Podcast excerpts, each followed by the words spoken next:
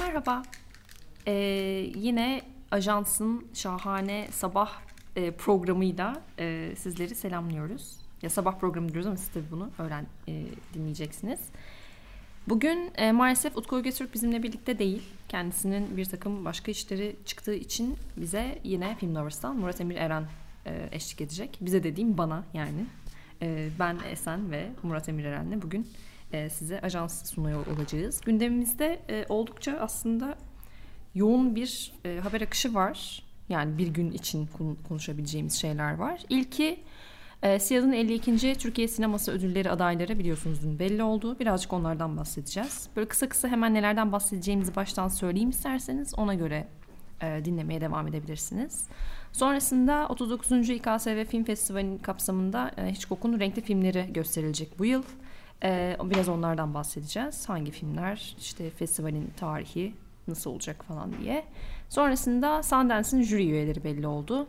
E, tüm kategorilerde hangi e, jüri üyeleri bizimle birlikte olacak e, biraz onlardan bahsedeceğiz. Sonra bir adet Star Wars haberimiz var yine. Tabii ki benim hiçbir şekilde e, üzerine konuşamayacağım bir haber. E, size Murat Emir Eren o konuda e, içini dökecek. Sonrasında da en son e, Adel Anel'in e, tacizle suçladığı yönetmen Christophe Ruggia'nın dün Paris'te gözaltına alınması durumu var. Biraz ondan bahsedeceğiz. Şimdi öncelikle Siyat'la bir başlayalım.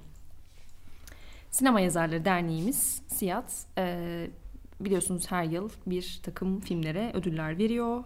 E, bu yılda gene bakalım e, genel olarak aslında kız kardeşlerin e, dorukta olduğu Dokuzar adayla bakalım. Evet Emine Alper'in yazıp yönettiği Kız Kardeşler Dokuzar adaylıkla görünmüşler ve küçük işlerle sekiz adaylıkla e, aday olmuş. Biraz onlardan bahsedelim. Hangi filmler? E, merhaba herkese. Ah, evet Emir Eren burada. 52. Evet. Siyah Türkiye Sineması ödülleri adayları açıklandı dün. E, dün sabah itibariyle.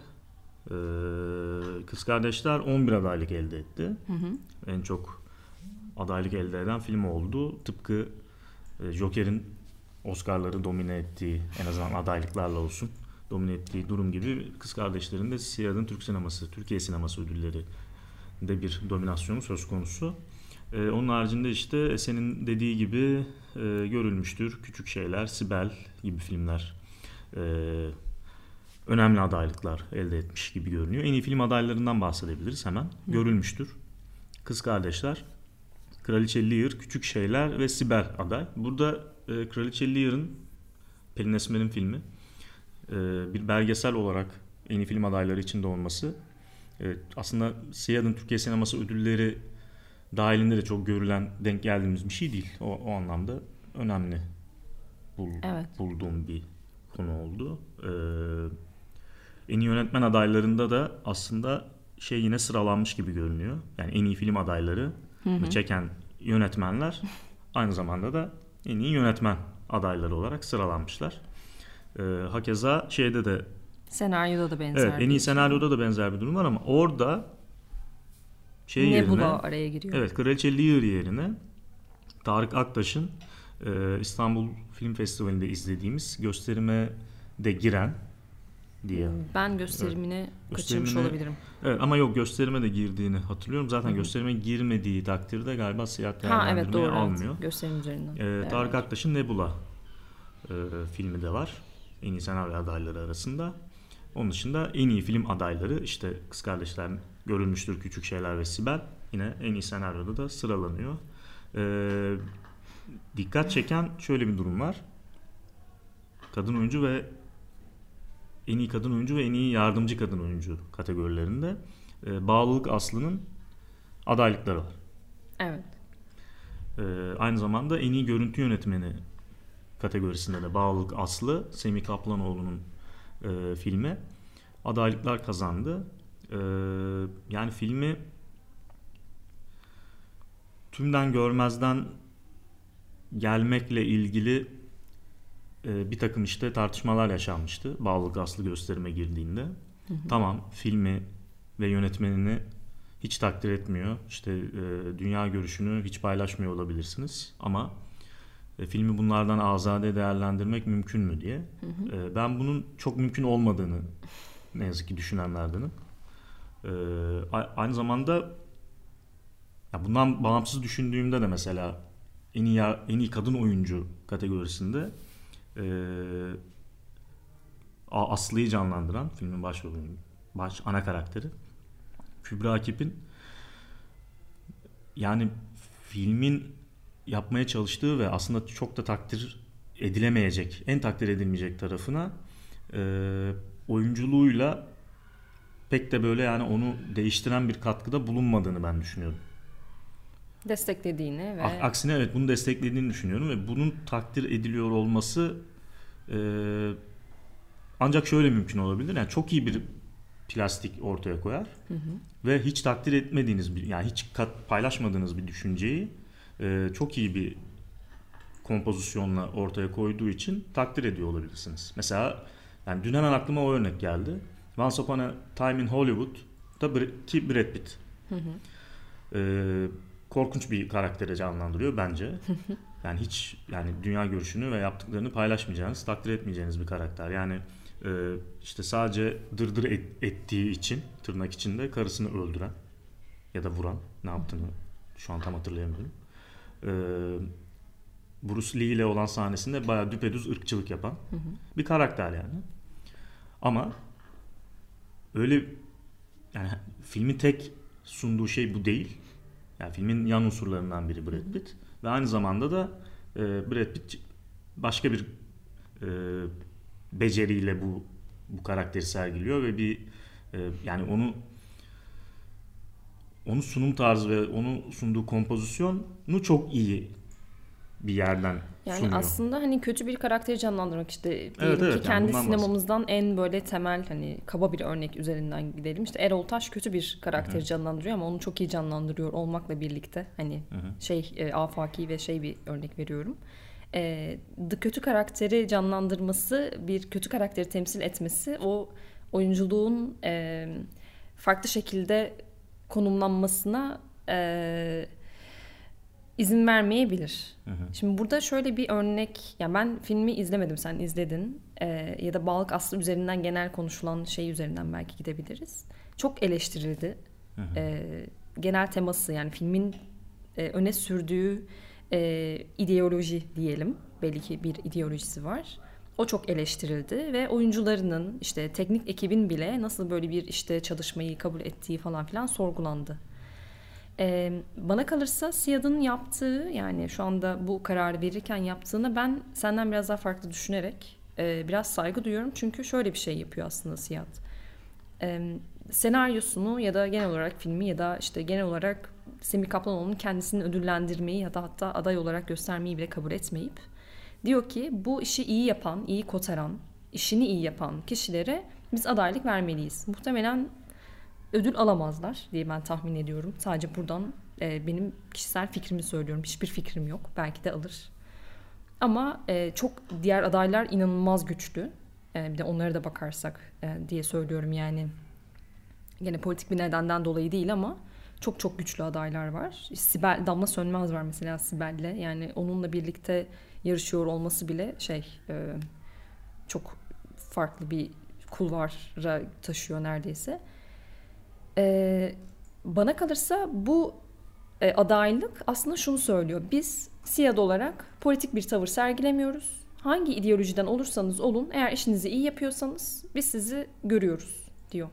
Bu aslında belli bir orana kadar son derece saygı duyulması gereken bir şey. Çünkü şu da olabilir. Yarın öbür gün SİAD'ın diyelim ki başına e, bizim tamamıyla hiç istemediğimiz, sevmediğimiz, hiç taşımadığımız bir ideolojinin e, temsili bir insan geldi onun da kendi ideolojisini aynı şekilde savunacağı filmlere sadece adaylık vermesini istemeyiz. Yani sonuç olarak bu bir kurum ve işte bu şekilde devam etmesini, her filme e, açık olmasını tercih ederiz. E, burada ama belki hani senin de dediğin gibi e, bu oyunculuk yeterli miydi? Hı hı. Yani ben izlemediğim için tekrar şey yapamıyorum. Sen öyle görüyor musun bilmiyorum. Yani o ideolojiyi benimseyip benimsememenin ötesinde gerçekten filme e, hizmet edecek ya da herhangi bir şekilde kendi oyunculuğunu ön plana çıkartabilecek bir e, yani Siyad'ın şey vermek için ödül e, adaylığı göstermesi için gereken oyunculuğu taşıdı mı sence?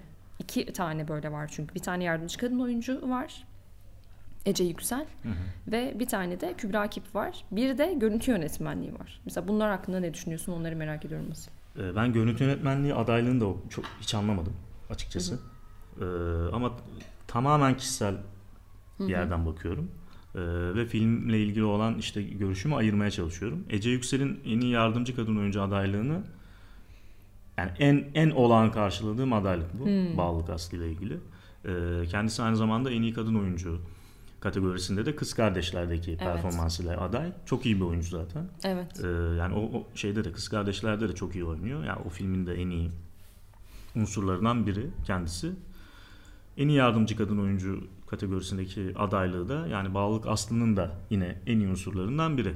Yani benim işte az önce biraz böyle uzun uzadıya uzat anlatmaya çalıştığım işte Once Upon a Time in Hollywood'daki Brad Pitt e, Evet evet. kompozi- çizdiği kompozisyon ve rol yani kötü bir adam yani dünya görüşünü paylaşmayacağım birisi ama e, başa be- beceriyle sergilenmiş bir kompozisyon. Bunun aynısını e, şeyde yani Bağlık Aslı'da göremediğim için başrol oyuncusu tarafından bunu söylüyorum. Tamamen yine kendi fikrim. Ama yani SİAD üyelerinin önemli bir kısmı benimle aynı görüşü paylaşmadığı için e, oy, oylarıyla Kübra Akip'i aday yapmışlar. Hani kazanıp kazanmayacağını da göreceğiz. Rakipleri de Cemre Ziya, kız kardeşlerden yine. Başak Özcan, küçük şeylerden ve e, Damla Sönmez, Sibel'den. Ece Yüksel, kız kardeşlerden yine. E, burada kız kardeşlerin tabii bir dezavantajı olmuş.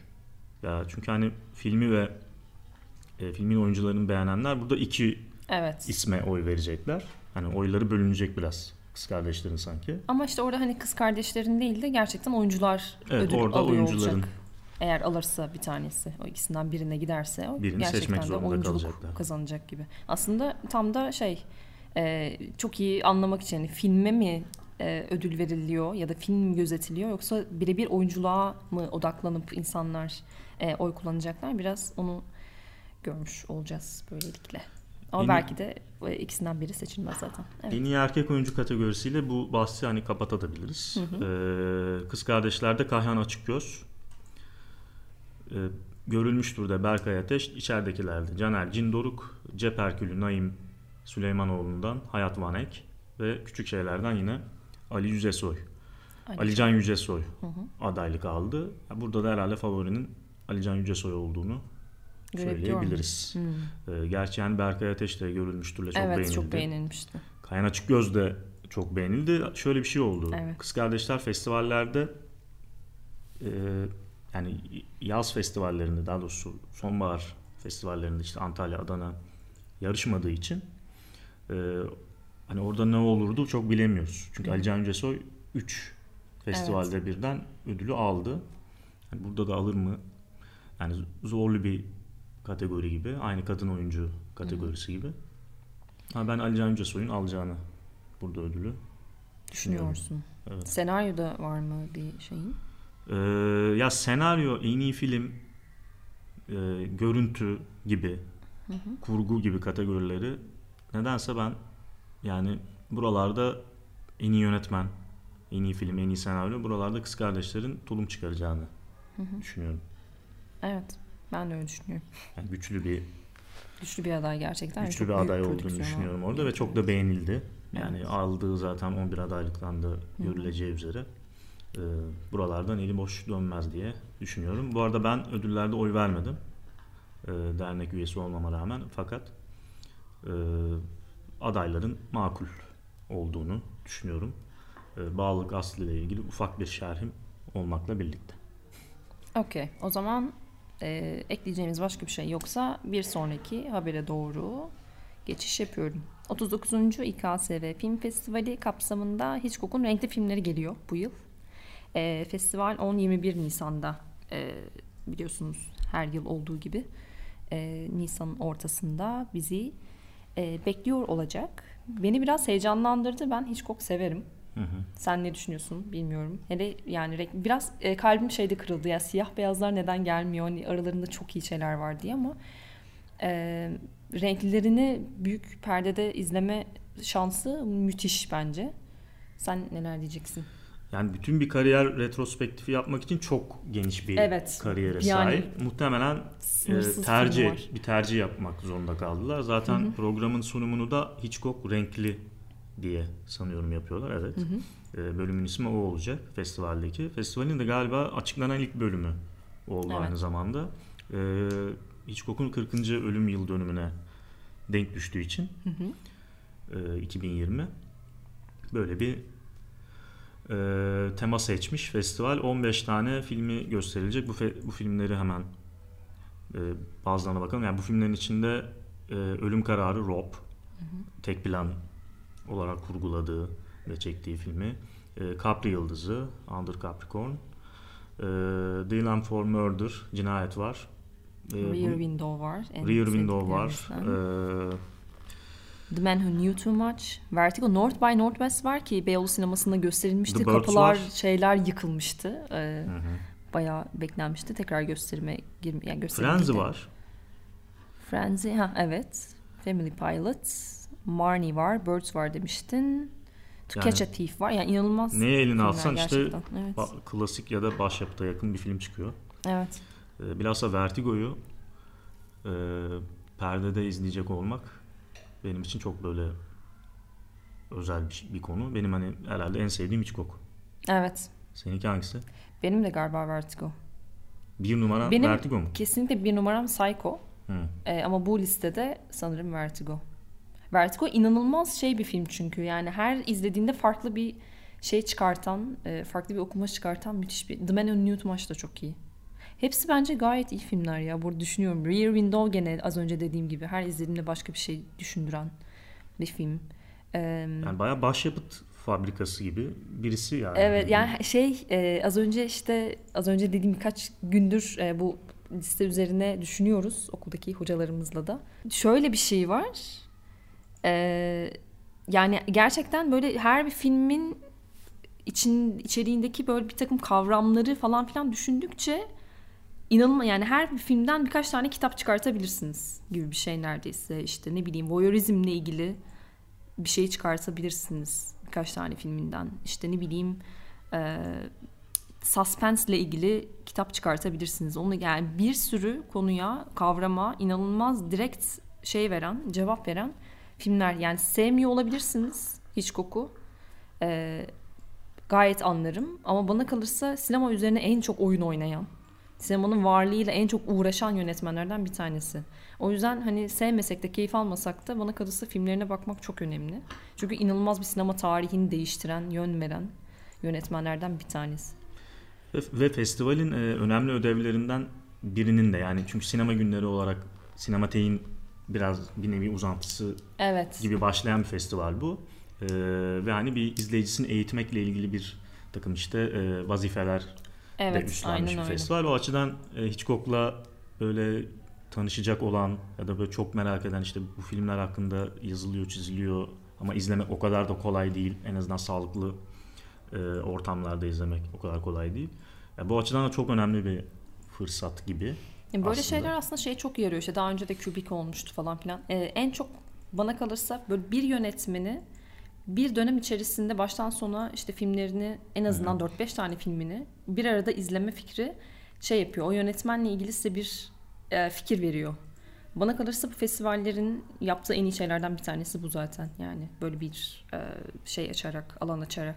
Yani bir yönetmeni daha önce belki defalarca izlediniz filmlerini ama bir oturuşta ne bileyim 2-3 tane filmini birkaç gün içerisinde izleme fikri çok çok şey e, doğrudan size e, Hitchcock'la ilgili çok net bir şey fikir verebilir. Hiç düşünmediğiniz şeyler düşündürtebilir.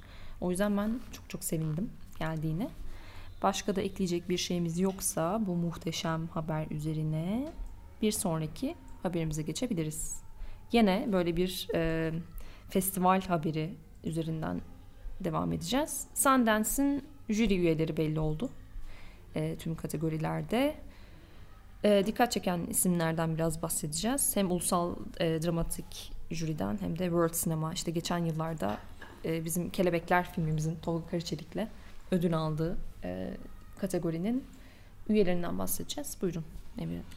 E, 23 Ocak'ta başlıyor festival. Hı hı. Çok da aslında zaman kalmadı. Zaman kalmadı. Evet o anlamda aslında jürisini e, ya derli toplu bir şekilde tabii birkaç isim duyurulmuştu ama ilk kez duyurdular gibi bir şey oldu.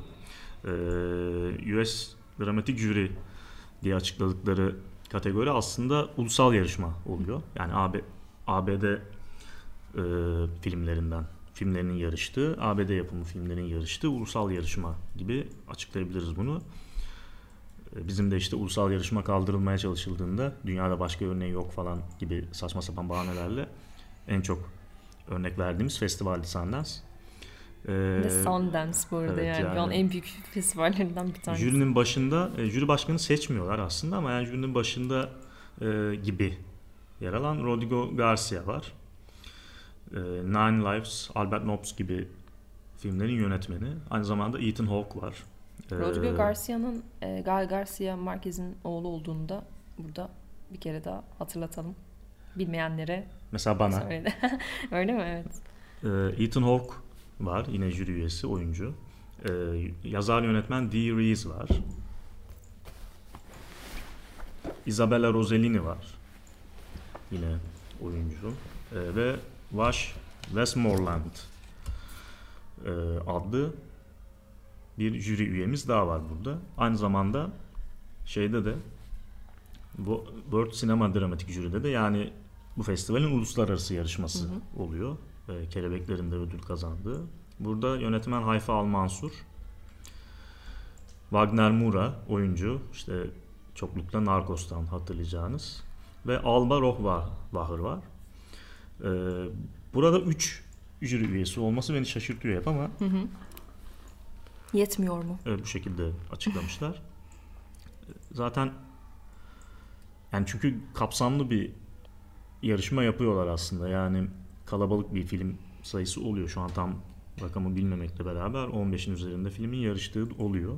Dünya sineması hı hı. bölümünde ama 3 yıl üyesiyle burayı halletmişler gibi evet. görünüyor. Bakalım ne olacak? Yani Sundance'de çıkan filmler genelde böyle bütün yıl konuşulan işte filmler oluyor. En azından Amerikan bağımsızları için böyle bir durum oluyor. Avrupa'dan işte Avrupa Avrupa festivallerini tercih etmeyen Avrupa filmlerinin de e, yarıştığı bir bölüm oluyor bu. Ne olacağını göreceğiz. Dünyanın en büyük festivallerinden birisi. Evet. Deyip. Evet. O zaman bir sonraki haberimize geçebiliriz. Ee, bu bizi yaralayan ve aslında hem ajansta hem de genel olarak film lovers'ın herhangi bir e, işte programında, e, haberinde sıkça konuştuğumuz, altını hep çizmek istediğimiz, e, çok çok eleştirdiğimiz şeylerden bir tanesi haberimiz yine. Adel Anel'in cinsel tacizle suçladığı Christophe Ruggia Paris'te gözaltına alındı bu taciz suçlaması üzerine. biliyorsunuz bir dönem işte Portrait of a Lady on Fire'ın şeyinden bahsediyoruz bu arada. Başrol oyuncusu. Oyuncusundan bahsediyoruz. Ee, kendisi biliyorsunuz bu film çok büyük bir patlak verdikten sonra, tanındıktan sonra, göz önüne geldikten sonra ancak kendisinde muhtemelen böyle bir gücü e, bulabildi, kendisini toparlayabildi ve maalesef 12 yaşındayken henüz uğradığı ve 3 yıl boyunca süren e, kendisinin iddiasıyla 3 yıl boyunca süren bir taciz davasını henüz e, açıklayabildi. Ve bunun üzerine inanmayacaksınız. Ya da bir ki bilmiyorum haberleri takip ediyorsanız zaten biliyorsunuzdur. Ee, yönetmen tarafından inkar edildi. Sonra da gene aynı yönetmen yine inanmayacaksınız. Dedi ki e, ben evet 12 yaşındayken bir şeyler yaptım. E, bu genç insan için bu yaptıklarım birazcık tabii kalp kırıcı olmuş olabilir. Kendisinden özür diliyorum dedi. E, sonrasında e, oyuncumuz tabii ki ilk başta ben adalete inanmıyorum o yüzden suç duyurusunda bulunmayacağım demiş olmasına rağmen e, tabii ki yapılması gerekeni yaptı ve suç duyurusunda bulundu. Böylelikle e, Christopher Gia da gözaltına alındı. Bir sanıyorum bir dava süreci başlayacak önümüzdeki günlerde. E, Adel Anel'in bu kararı almasında hem işte Me Too hareketinin hı hı. hem e, Michael Jackson'ın çocuk istismarı evet onunla motive olduğunu iddialarıyla ilgili bir belgesel olan Living Neverland'i izlemesi gibi e, konuların etken olduğunu söylemişti. Aynı zamanda Christoph Ruggia önce bir ifadesi alındı ve bırakıldı. Evet. Yani daha doğrusu sadece ifade için çağrıldığı ve işte ifadesinin alındığı gibi haberler okuduk ama sonra e, gözaltına alındı. Çünkü anladığım kadarıyla kaçınılmaz bir takım iddialar vardı ve e, kabul etmek zorunda kaldı nihayet kabahatini. Ve e, artık işte adli süreç işleyecek diye Evet. düşünüyorum. Bir de hani bu çok konuşulur aslında. İşte Fransa'da e, işlerin biraz daha farklı ilerlediğini, Fransa'da işte cinsel e, e, kimliğin çok çok daha genç yaşlarda e, bireylere e, şey yapıldığı, nasıl denir? Beyler tarafından e, bir şekilde varlığını kabul edildiği falan konuşulur edilir. İşte o yüzden 12 yaşındaki bir bireyin aslında bir cinsel kimliğiyle ön plana çıkması söz konusu olduğu için e, buna taciz değil sanki böyle işte flörtleşme, işte birlikte karşılıklı e, niyetli bir e, şey olduğunu, ilişki olduğunu falan iddia edebilir aslında herhangi bir Fransız e, kişisi diye konuşuluyordu. Hani oradaki çok daha farklı bir şey var çünkü kültürü var bununla ilgili falan diye. Böyle e, akıl almaz şeyler de konuşuldu daha önce. Bu haber üzerine özellikle Adel Anel'in söyledikleri üzerine. Hani o yanlış anlamış olabilir ya da aslında kendisi de gayet biliyorsunuz işte Polanski'nin haberleri üzerine de çok fazla konuşuluyordu. Aslında kendisi de gayet rıza gösterdi ama işte bunu e, farklı şekillerde gösteriyor. E, şimdi bu Me Too hareketinden sonra sanki tacize uğramışmış gibi gösteriyor falan diye. Hiç öyle bir şey yok yani kadın bayağı tacize uğradığını hissetmişse e, hissetmiş ve bunun e, şeyini söylüyor. Evet zaten bu sebepten önce mahkemeye başvurmamayı Evet yani sadece Adel aynen. Anel e, daha sonra e, sanırım hani bunun hukuki boyutları bir, bir şekilde tartışıldıktan ve nasıl bir iddiayla ortaya çıkabileceklerini e, belirledikten sonra mahkemeye taşıdılar ve gerekli e, şeyler de oluyor sanki şu anda. Christophe Ruggia ile ilgili. Ya şöyle bir durum aslında e, Fransa'da da bu bilhassa taciz davalarında, tecavüz davalarında e, kadınların uğradığı haksızlıklarla ilgili bir, bir ara e, çok haber izliyordum ben şahsen. E, Avrupa kanallarında işte kendi e, TV5'te vesaire. Fakat e, yani mesele kadın olunca yani dü- her yerde yani dünyanın her yerinde durum aynı gibi.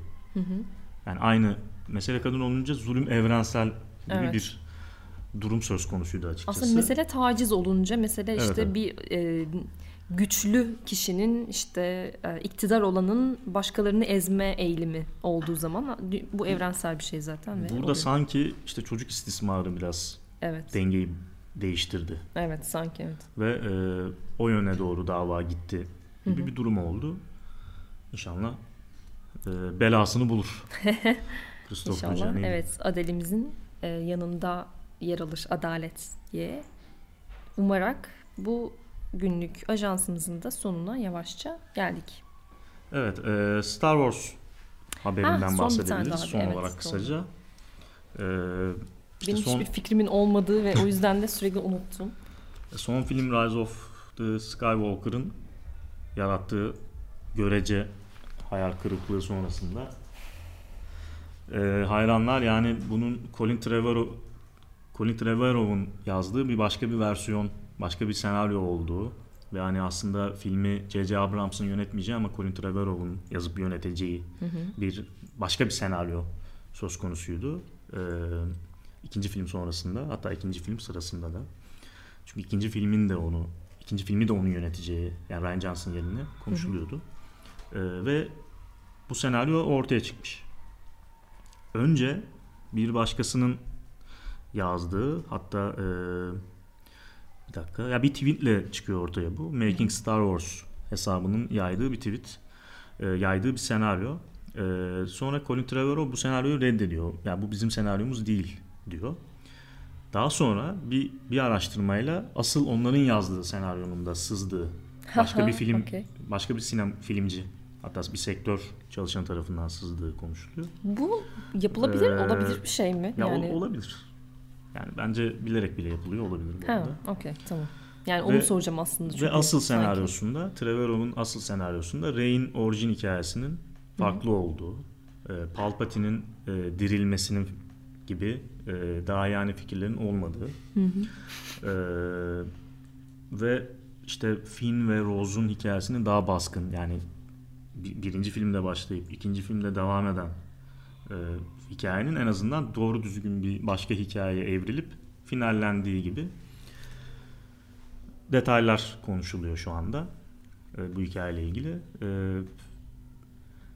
yani bu çekilse nasıl olurdu ya da Trevor o çekse nasıl olurdu tabii ki hiçbir zaman bilemeyeceğiz ama en azından senaryoyu okumak şu anda mümkün. Tabii ki yine e, her şeyin kaynağı olan aynı zamanda bu Rise of the Skywalker felaketinin de kaynağı olan Reddit'ten çıktı bütün bunlar.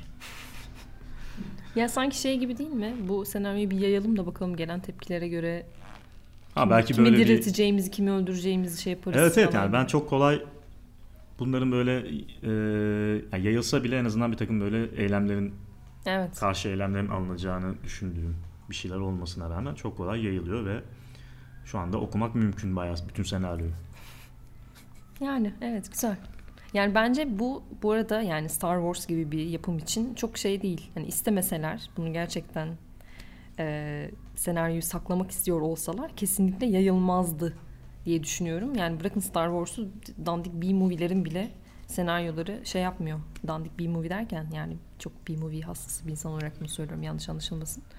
E, B-movie'lerin bile senaryoları inanılmaz top secret şeyinde tutulabiliyor. E, bu bana hiç şey gibi gelmiyor. Bayağı pazar araştırması için yayılmış olduğunu neredeyse eminim öyle olduğunu. Bir de belki e, hayranları yani meşgul edecek başka bir konu ya bu. Yani evet. Aa bakalım ne çıktı. İşte bir okuyalım bakalım. Bir dediğim gibi gelen tepkilere göre e, karakterleri nasıl konumlandıracağız, edeceğiz falan diye düşünmüş olabilirler. Çok şey e, stratejik bir şeymiş gibi geliyor. Sanıyorum. Evet.